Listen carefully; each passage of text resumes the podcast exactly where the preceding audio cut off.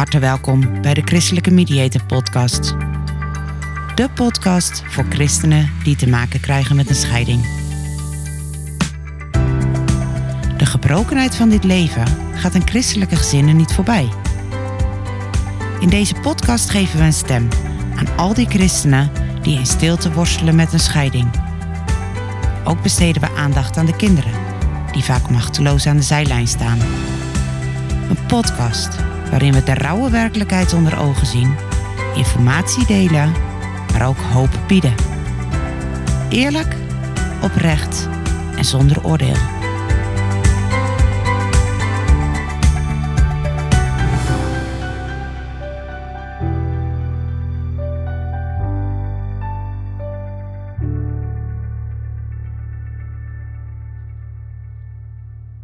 Welkom bij de Christelijke Mediator Podcast. Vandaag het laatste deel van drie gesprekken die ik had met Bram de Blauw. Het eerste gesprek, Bram, stond in het teken van jouw persoonlijke ervaring met scheiden. Het tweede deel stond in het teken van het boek wat je hebt geschreven, Gebroken en toch heel. En vandaag gaan we het over een ander boek hebben, wat je ook hebt geschreven. En daar ga je zo meteen uh, vast heel veel meer over vertellen. De titel van het boek is Voordat je opnieuw ja zegt. Over hertrouwen na een echtscheiding, ja. Kijk eens aan. Hey, fijn om weer met je aan tafel te zitten. De vorige podcast, daar uh, was het geluid niet helemaal fantastisch. Uh, daar hebben we inmiddels een nieuwe kabel voor, waardoor je het uh, weer gewoon helemaal goed gaat doen. Past helemaal in het kader van waar we het over hebben, voor de tweede keer doen. Ja, precies. Dus we hebben gewoon een, een, nieuwe kans, een nieuwe poging. En daar gaan we ook zorgvuldig bij stilstaan. Want ja. een, een, nieuwe poging voor een nieuwe kabel is wat anders dan een nieuwe poging voor een nieuwe. Precies. En die ernst eigenlijk willen we ook wel een beetje in deze podcast leggen van, uh, van joh, het, het, is niet niks.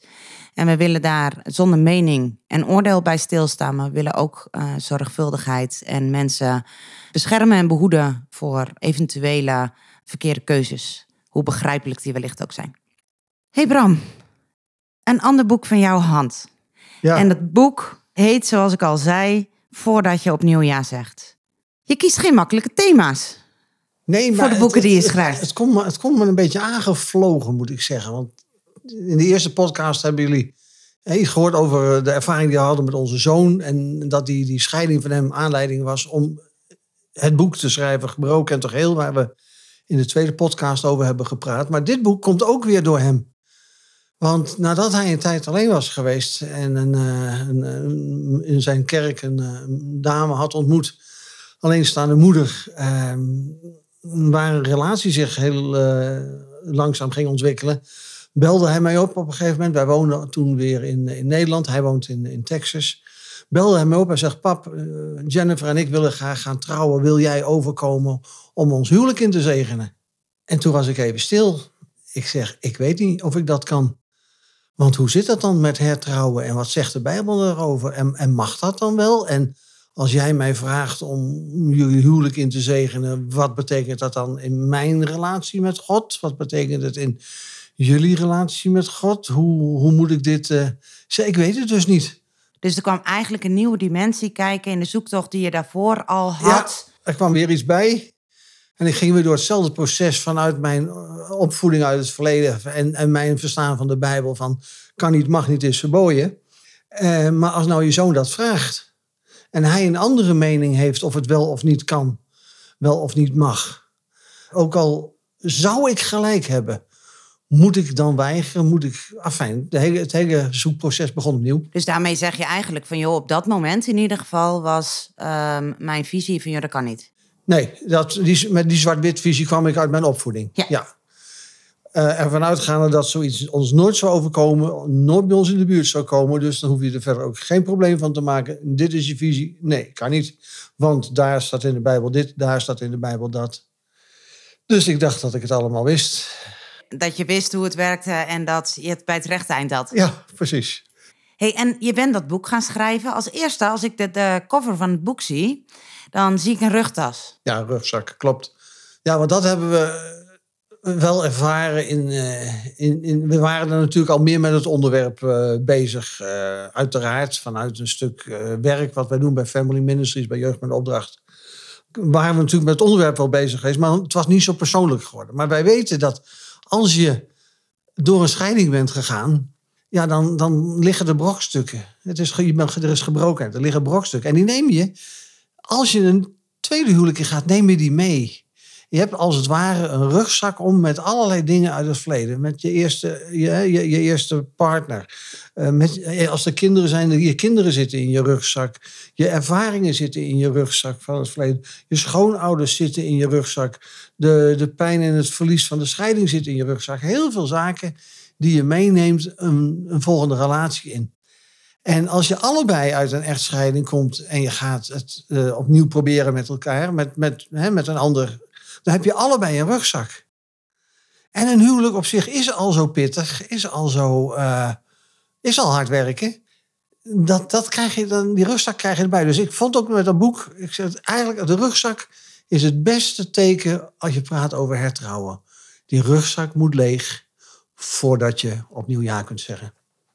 Die rugzak moet opnieuw leeg. En volgens mij zijn jullie, samen met je vrouw Helma, uh, ben jij mensen gaan helpen om te kijken van hé, hey, wat zit er nou eigenlijk in die rugzak? Ja. En, en wat hebben jullie nodig om die rugzak uh, leeg te maken? Ja, nou en eerst vragen we inderdaad aan hen, snap, hebben jullie zelf al in de gaten wat er in je rugzak zit? Want heel veel mensen hebben niet eens in de gaten wat er in hun rugzak zit. En we helpen daar nog steeds eh, stellen mee die uh, bij ons op de bank zitten. In een aantal sessies gewoon om te praten als, jullie willen, als ze willen hertrouwen van... Ja, waarom wil je dat dan? En nou ja, we stellen ook een hele hoop moeilijke vragen. We gaan gewoon kijken van wie ben je? Waarom wil je dit? Uh, we wijzen de mensen op, als ze bij ons op de bank zitten, dan hebben ze meestal nog vlinders in de buik. Net als toen ze bij een, uh, in de verliefdheid van het eerste uh, eerste huwelijk. Oké, je hebt nu weer vlinders in je buik, maar het, het wordt straks, gaat het om het echt hoor. De spanning die er nu is, dat is straks over. Straks is het gewoon weer elke dag hard werken. En de kinderen doen dit en de kinderen doen dat. Uh, dezelfde problemen die je tegen bent gekomen in je eerste huwelijk, zul je voor een deel weer tegenkomen. En je krijgt er weer anderen bij. Dus kijk even uit. Dus we proberen eh, heel realistisch te zijn. En we hebben zelfs wel eens verwijt gekregen van mensen dat ze vonden dat we een negatief boek hebben geschreven. Ja. Dat ze zeiden van, dit is, jullie maken het haast onaantrekkelijk om te hertrouwen. Ik zei, nou dat willen we niet, maar we willen wel hebben dat je realistisch bent. En we hebben in één keer een, hadden we een echtpaar op de bank en die, uh, die waren hertrouwd en die, hadden problemen in hun tweede huwelijk. En die zeiden van, uh, god meneer, mevrouw, toen we het boek lazen, toen dachten we, wat een negatieve mensen zeg. Want we hadden allebei zo'n boek gekocht, waren allebei hebben daar, ja, ja, ga ervoor. Hij zei, maar het is tien keer zo erg als u het beschrijft. Hij zegt, we hebben er tien keer zoveel moeite mee. We hadden er nooit aan moeten beginnen. En dan denk ik, dan hebben we, is het bij hun niet gelukt. Maar wij hopen echt dat er ook mensen zijn die het lezen en zeggen van, nou, misschien is het verstandig om het niet te doen. Dus je wil eigenlijk heel veel bewustwording creëren en ook het realistische verhaal vertellen. Ja, vooral het realistische verhaal. Want nogmaals, ze zijn weer verliefd. En als je verliefd bent, dan gaat alles goed. Er zit, we hadden voor pas geleden weer een stel hier ook. En dan, zei ik ook tegen hem, joh, je zit weer te hengelen. Ze hangt aan je touwtje, je direct die hengel omhoog. Ik zei, hoe gaat het straks als je die vis hebt binnengehaald? Zei, ben je dan nog net zo lief voor haar? Doe je dan precies hetzelfde nu dan weer? Of ben je nu bezig om die vis binnen te halen?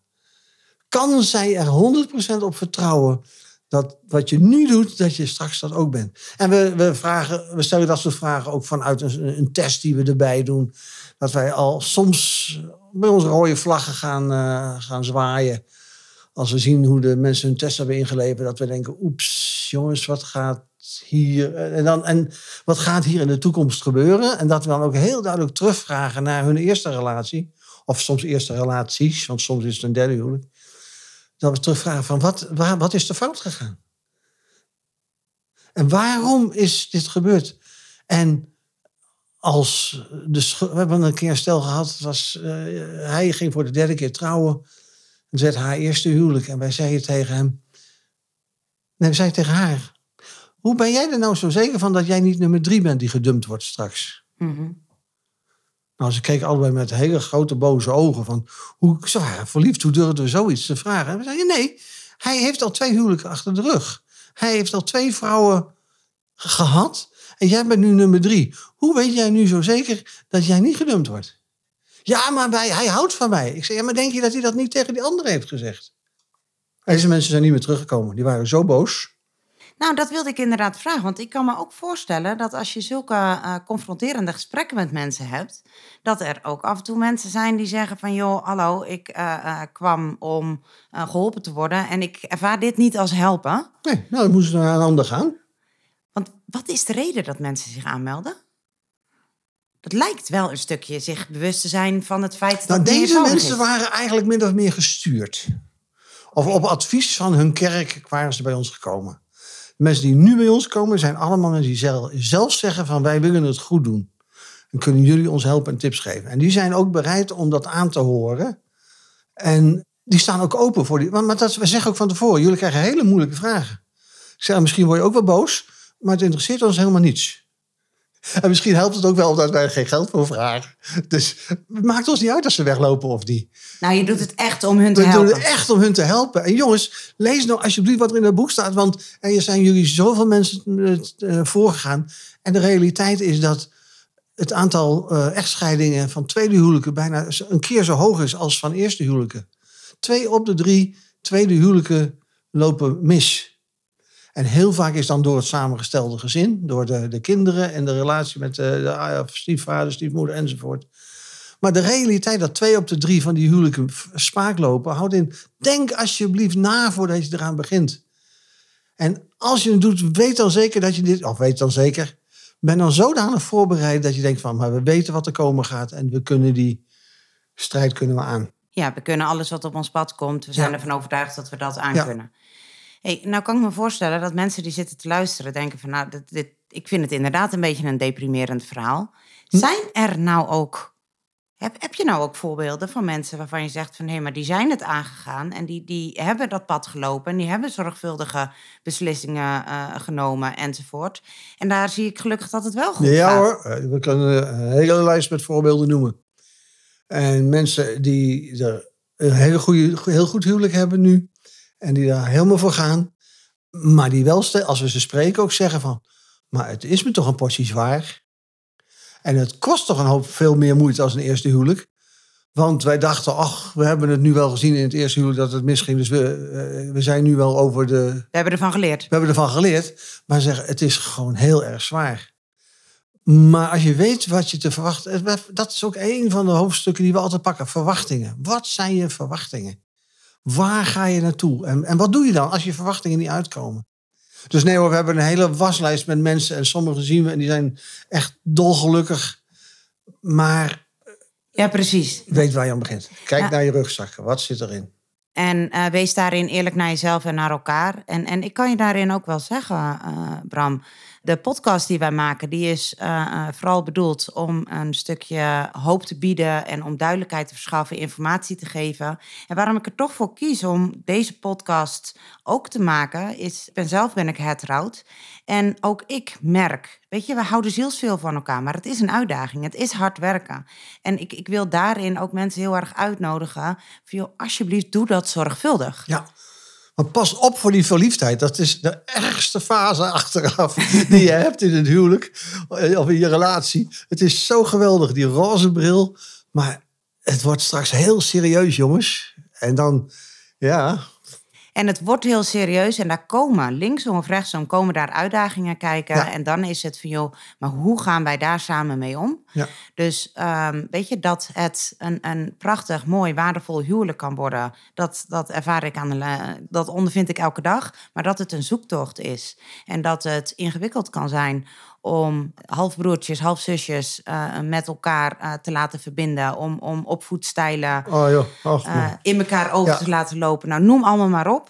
Die uitdagingen zijn er gewoon. Ja, en daarom is het ook goed wat, dat, we, dat we dat tegen mensen zeggen. Zodat zij zich ook, ook weten, als het hun gebeurt, we zijn niet de enige. Exact. Het gebeurt andere mensen ook. En waar wij doorheen gaan is normaal. Dus we moeten nu niet gelijk de handdoek in de ring gooien. Maar we gaan nu kijken, even spiegelen. hey, wat, is ons, wat gebeurt ons op dit moment? En hoe kunnen we uh, dit, uh, dit aan met z'n tweeën? Moeten nog even hulpje zoeken. Even wat uh, tips vragen van mensen. Maar het is, je bent niet de enige. En je komt er, want er zijn zat gelukkige tweede huwelijken. Zat. Mm, dus laat je niet uit het veld slaan. Maar ja, het, eh, het vergt wat van je. En juist omdat je die gelukkige huwelijk, dat, dat gunnen we die mensen ook. Weet je, we gunnen iedereen mm. eh, een gelukkig huwelijk. Maar dat kan niet zomaar. Stap hem niet vanuit je roze bril in. Doe hem zorgvuldig. En mede daarvoor ook het boek. Voordat je ja, zegt. En niet te snel, hè, jongens. Kijk, ah, niet, ja, dat is ook zo hard kreet. Niet te snel. Want je bent zo snel geneigd na je relatiebreuk, als je, als je verdrietig bent, als je je afgewezen voelt, als je je bij de vuilnisbak gezet voelt of wat dan ook, om, om weer te snel eigenlijk je te verbinden aan iemand. Neem de tijd. Gun jezelf de tijd. Ja, maar misschien gaat hij dan naar een ander of gaat ze. Jammer dan. Als jij vertrouwen hebt en je, je bidt ervoor en je hebt vertrouwen dat het goed komt, geef jezelf de tijd. Ga niet uit nood zo snel mogelijk springen, want stel je voor dat hij een ander heeft of zij een ander krijgt. Nee, neem de tijd. Leer hem of haar kennen en kijk inderdaad of dat iets is waar jij de rest van je leven aan wil verbinden. Precies. wat kunnen mensen verwachten van het boek? Uh, nou, ten eerste wat ze niet kunnen verwachten, wil ik eerst even zeggen. Ze, ze, kunnen niet verwachten dat er letterlijk staat uitgeschreven dat de Bijbel zegt dat uh, hertrouwen toegestaan is, goedgekeurd, waardig is, allemaal enzovoort. Ik heb die zoektocht natuurlijk, ben ik ook uh, naar mijn eigen geschiedenis, mijn eigen opvoeding, ben die zoektocht ook aangegaan. En ik weet het antwoord daarop niet. Is het theologisch, is het bijbels toegestaan om wel of niet te hertrouwen. En ik heb, ja, ik heb gezocht wat ik wilde en eh, wat ik kon, maar ik heb het antwoord niet gevonden. Ik weet dat in die oude Joodse cultuur, waar de Bijbel van afstamt uiteraard en uit het Oude Testament, waar de, rol, waar de vrouw geen enkele rol had en de vrouw niet eens kon scheiden, alleen de man kon scheiden en de vrouw, als de man niet van een vrouw wilde scheiden, dan was de vrouw de rest van haar leven gewoon aan hem gebonden.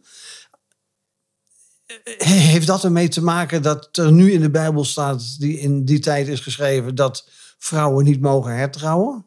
Of dat ze niet mogen hertrouwen, of dat een vrouw, ja, vrouw na niet mag. Ik, ik kom er niet uit. En dat vind, je dus niet in de, dat vind je dus niet in het boek. Je vindt er geen theologische verklaring. Alleen, ik, ik ga er wel op in. En ik geef ook aan dat er in verschillende uh, denominaties verschillend over wordt gedacht. En sommige mensen het wel goed vinden en andere mensen het wel goed vinden, maar dan niet inzegenen. En andere mensen weer het niet inzegenen. Ah, fijn. Er zijn allerlei, we hebben er met z'n allen allerlei uh, constructies voor bedacht.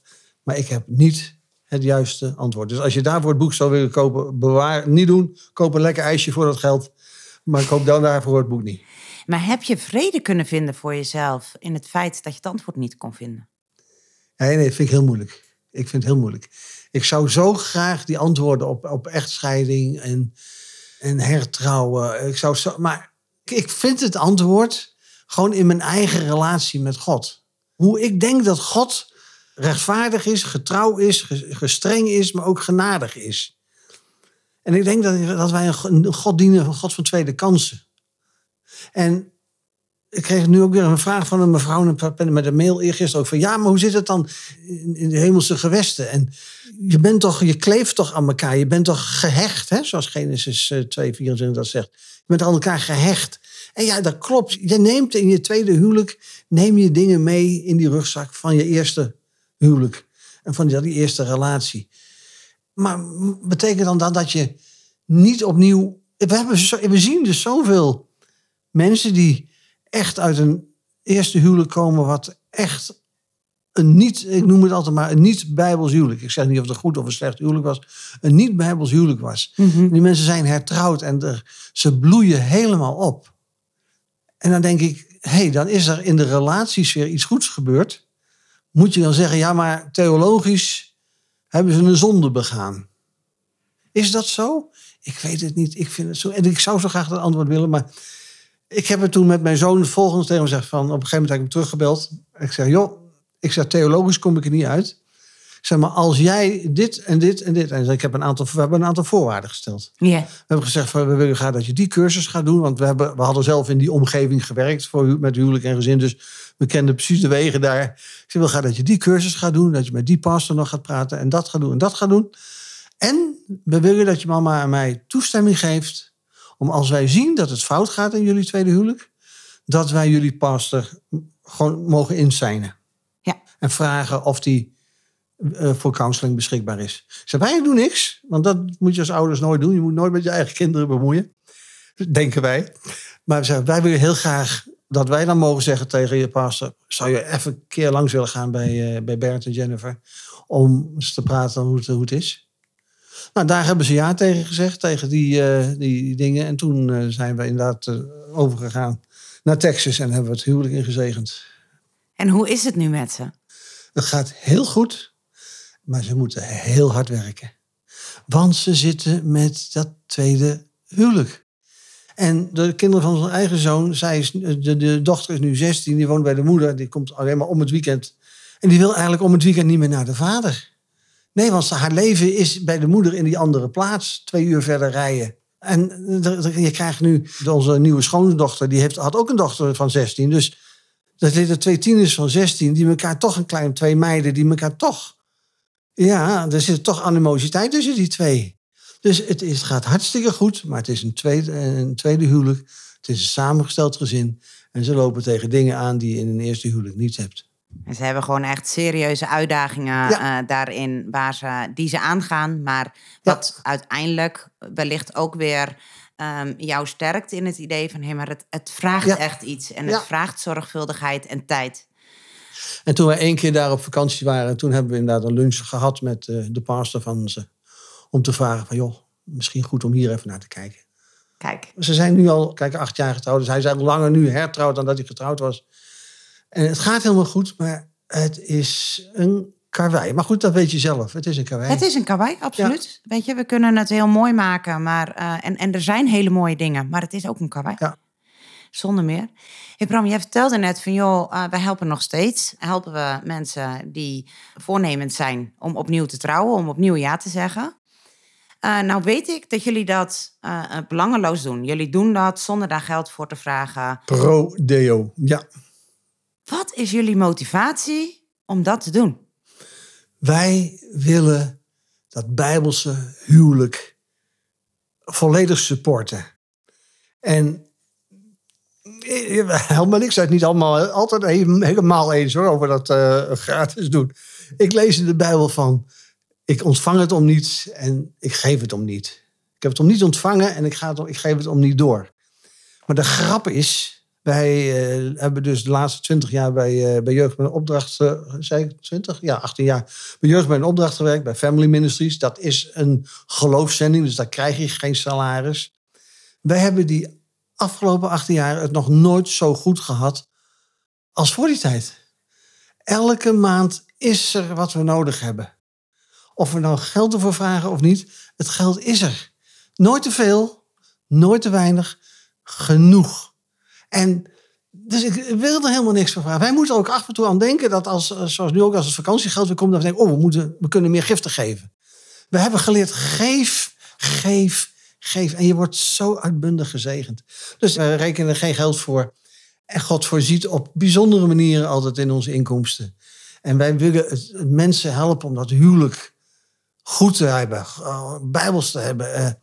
Zoals we zouden mogen verwachten van elke christen dat het een voorbeeld is in de straat van hoe mensen met, eh, met hun mannen en vrouwen met elkaar omgaan en met de kinderen omgaan. En hoe een christelijk gezin zou moeten functioneren. Dat is onze drijfveer, dat is onze drive, dat, dat willen we. En daarom doen we het zo. Ja, dat willen jullie uitstralen. En dat is ook echt hoe het vanuit... Ik weet je, als je het vertelt, je, je, je hele lijf praat mee. Dat is echt hoe, hoe, hoe het vanuit Ja, jullie ja. vol overtuiging Ja. is en werkt. Hebben jullie er heel bewust voor gekozen om deze eh, tak van sport, dus echt echtscheidingen Nee, joh. en of is dat zo ontstaan? Dat heeft God zo geleid, noemen wij dat dan. Ja, Wij, eh, wij, eh, wij gingen fulltime werken bij Mercy Ships. Een van de schepen, van die hulpverleningsschepen die in de allerarmste landen zoeken, zorgen voor, voor medische hulp. En wij, werden wij, kwamen aan boord van een, een, van de kleinere schepen destijds. Waar, maar, met vier, vier oudere echtparen. Maar die schepen zijn vol met jonge mensen, allemaal vrijwilligers die dan, en verpleegkundigen, maar ook artsen en, en, en personeel in de, in de dining room, in de eetzaal enzovoort. Enfin, dus je zit, het was een hele grote christelijke bubbel, vol met jonge mensen. En die waren allemaal in de kracht van hun leven en allemaal de Heer dienen. En altijd wel, ik zeg het wel eens, de hormonen spoot over dek. En eh, nou, in onze organisatie was het toegestaan om te daten. Mhm. Om een relatie met elkaar te krijgen. Maar je moest een ouder echtpaar uitzoeken als accountability partner. Als een echtpaar waar je verantwoording aflegde van hoe je met elkaar omging. In de tijd dat je aan boord van het schip was. En er waren allerlei regels hoor. De deuren mochten, moesten open blijven van de hut en zo. Enfin, werd wel uh, goed voor geregeld. Dus er waren maar vier oudere echtparen aan boord. Bijna honderd uh, jongelui. Dus bijna elke avond zat er op onze bank wel een jong stel. Eén uit Nieuw-Zeeland, de ander uit Zwitserland. En die hadden verkering gekregen. Enfin, je kunt zo gek niet weten, er waren iets van 33 of 34 nationaliteiten aan boord. Dus die kwamen allemaal bij ons op de bank. En, die, nou, en zo begonnen wij eigenlijk uh, te praten met jongelui. En uh, wij, hadden, wij stonden heel slecht bekend aan boord. We, hadden, we waren berucht. Want geen één van onze stellen is getrouwd. En daar zijn wij zo dankbaar voor. Want het is, het is makkelijk om in zo'n grote christelijke bubbel ontzettend enthousiast te zijn en de Heer te loven en te prijzen en je werk te doen. Maar oh wee, als je daarna die loopplank afgaat en weer de maatschappij in moet, dan verandert de hele wereld. En er waren ook, was ook één echtpaar, dat was echt zo'n uh, zo'n verliefdheidsechtpaar, noem, noem ik het altijd maar. Die waren echt zo, die waren jongelui echt aan het vertroetelen. Oh, wat leuk, oh ja, wat fijn, oh ja. En wij zeggen, doe dat nou niet kijk nou uit in die verliefdheidsfase, in deze beschermde omgeving. Wees voorzichtig. Nou, toen wij die stellen op de bank kregen, toen zeiden we, misschien moeten wij onszelf ook wat meer gaan verdiepen in deze tak van sport, zoals jij het net noemde. En toen zijn we zelf bij Jeugd met de Opdracht een family ministry school uh, gaan doen. Ongeveer uh, bijna 30 jaar nadat we zelf getrouwd waren. En toen heb ik gedacht, deze school had ik dus ongeveer 30 jaar geleden moeten doen toen, toen ik net trouwde. Een school helemaal gericht op huwelijk, gezin, opvoeding enzovoort. En zo zijn we eigenlijk uh, successievelijk erin gerold. En is het fulltime uh, geworden. We zijn op een gegeven moment bij uh, Mercy Ships weggegaan. Kwamen in, in Nederland, toen we op kantoor in Nederland werkten bij Mercy Ships nog tijd. Toen deden we in de avond in onze eigen gemeente het huwelijkswerk erbij. Later ook. En op een gegeven moment is het eigenlijk naar, naar fulltime gegaan. Ja, dus het is echt een, een, bijna, nou, bijna een levenswerk geworden als je kijkt hoe lang jullie uh, hiermee bezig zijn en, en nou, ja, wat jullie ook uh, achter willen laten. Ja, maar het is, allemaal, joh, het is allemaal zo gegaan. Want die boeken, ik was, het, ik was helemaal niet van plan om boeken te schrijven. Hoe kon, en dan heb ik er vier, vier op mijn naam staan. En, en de, tweede, vierde druk, derde druk, weet ik veel allemaal. Uh, vijf vertalingen. Maar dat was ik helemaal niet van plan. Maar het is door onze ervaring door het verhuizen, door het in Amerika, doordat onze zoon, want die heeft onze eerste schoondochter op dat schip leren kennen. Mm Dus een van de grootste voorbeelden dat het dus niet goed is gegaan. Uh, daardoor, hij, hij ging schrijven, ik schrijf er een boek over. Gelijktijdig is er dan een, een, een, congres van de EO en de EA in Nederland. En Family Seven. Enfin, het, het groeit allemaal vanzelf. Het was iets wat ontstond en wat niet een plan was. Nee, het was absoluut niet een plan. En als je nu terugkijkt, want soms zeggen wij wel eens van, nou, hebben we nou zoveel gedaan? Maar als je dan op achter op een rijtje kijkt, denk ik, hm, ja, ik kan me toch ook wel voorstellen dat mensen wel zeggen dat we veel gedaan hebben. Maar het ging vanzelf. En dat is goed dat we hopen dat het nu vanzelf wat minder gaat worden. Dat mag op een gegeven moment ook, hè? Ja, hè? Ik hoop Zeker. Het, ja, ja. Hey, en uh, aan de ene kant zeg het, het was heel waardevol uh, om te doen en, en we doen het graag. En aan de andere kant mag het soms ook wat minder worden. Betekent dat ook dat mensen zich niet meer bij jullie kunnen melden? Dat ze niet meer aan kunnen kloppen? Uh, wij, wij hebben de deur dicht gedaan voor huwelijken in, in nood. Ja, dat klinkt heel gek. Maar dat werd ons een beetje te veel. We, we liepen echt aan tegen de zoveel boosheid uh, in mensen. Zoveel onvergevingsgezindheid, zoveel egoïsme. Vooral ik liep daar tegenaan. Ik, ik sliep er niet meer van s'nachts. Ja.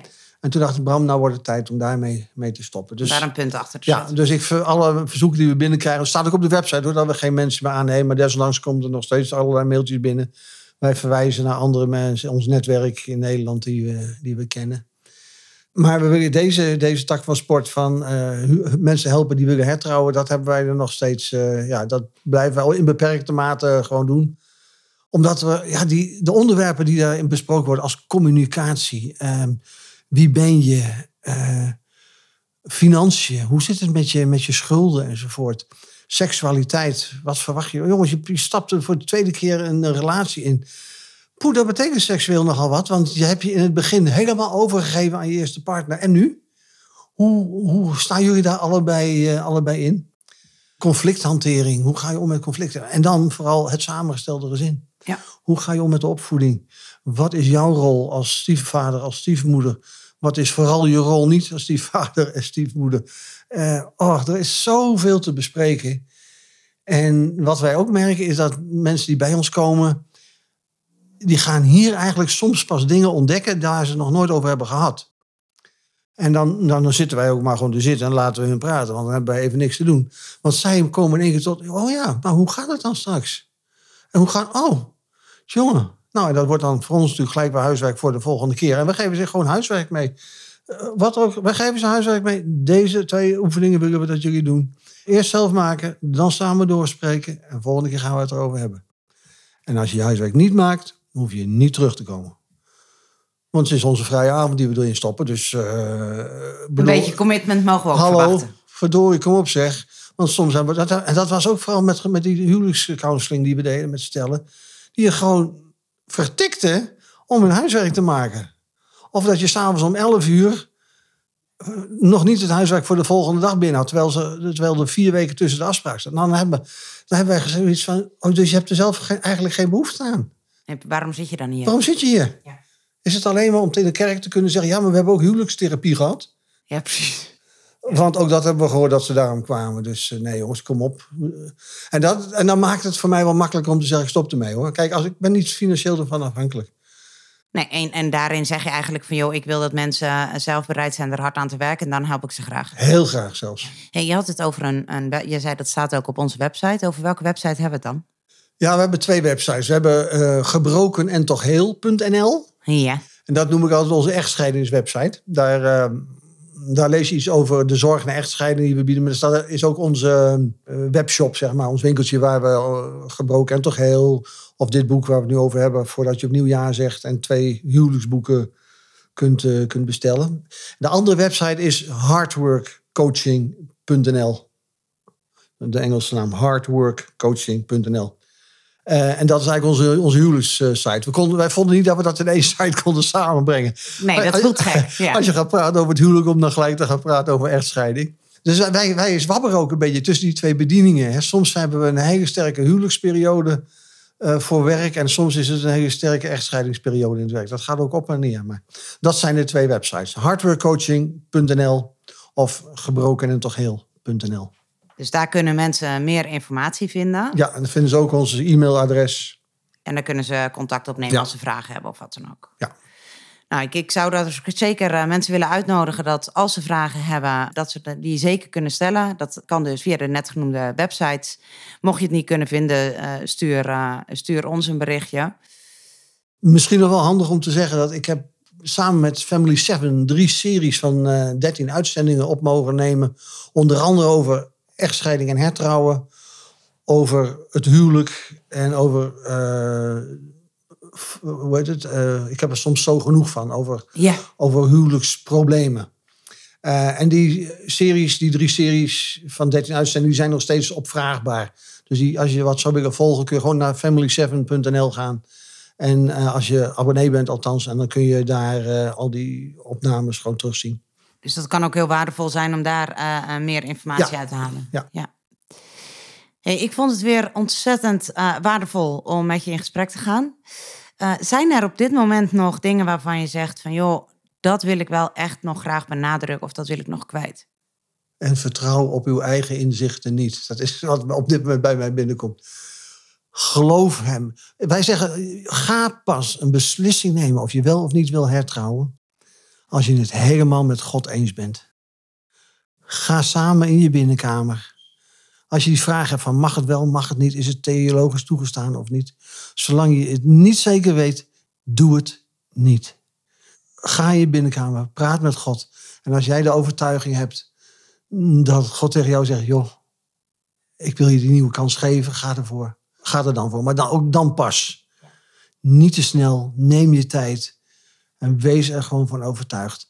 Ja, maar als de kerk dan tegen is, dat moet je zelf oplossen. Maar wij, wij zeggen wel, we hebben één keer een stel gehad, ja, de kerk wil ons niet inzegenen, dus dan doen we het alleen maar uh, op het gemeentehuis en dan voor de rest. Uh, en toen zeiden wij, wat wil je, wil je echt zonder God beginnen? Dus als jij in zo'n situatie komt, je wil eigenlijk wel hertrouwen, maar jouw kerk weigert dat. Ga niet schoppen tegen je kerk. Respecteer hun mening, want ze hebben daar ook over nagedacht. Ze hebben, zijn daarvoor ook in gebed geweest. Maar zoek een andere oplossing, zodat je toch met God kunt beginnen. Uh, er zijn allerlei mogelijkheden. Er zijn emeritus predikanten. Uh, er zijn misschien wel mensen die je persoonlijk kent, ouderlingen, noem maar op. Maar begin niet zonder God. Dus eigenlijk zeg je, uh, als je de beslissing neemt en ook als je gaat trouwen, doe het samen met God. Alsjeblieft. Ja, begin met God. Want daar wil je ook mee eindigen. Neem hem mee en vraag hem. En leg ook jullie, jullie pijn en je verdriet van het eerste huwelijk voor hem neer. Zei, heer, het is ons de eerste keer niet gelukt. We hebben gefaald. Maar nu willen we er samen voor gaan. En we willen niet, we willen niet eens trouwen, maar we willen samen laten zien dat we tot eer en glorie van u kunnen leven. En een huwelijk kunnen hebben zoals u het heeft bedoeld. En ja, dan, en dus daar moet je moet altijd met hem beginnen. Altijd met hem. Altijd met hem. Nou, dat, daar kan ik niks aan, uh, niks aan toevoegen, Bram. Ontzettend bedankt voor je, voor je waardevolle woorden en de tijd die je ervoor vrijmaakte om uh, dit te delen. Dank voor het luisteren naar de Christelijke Mediator Podcast. Mocht je behoefte hebben aan advies of aan een luisterend oor, schroom niet. Neem vooral even contact op. Dat kan via www.christelijkemediator.nl. We helpen je graag. Je staat er niet alleen voor. Wil je geen aflevering meer missen? Abonneer je dan op de podcast in je favoriete luisterapp.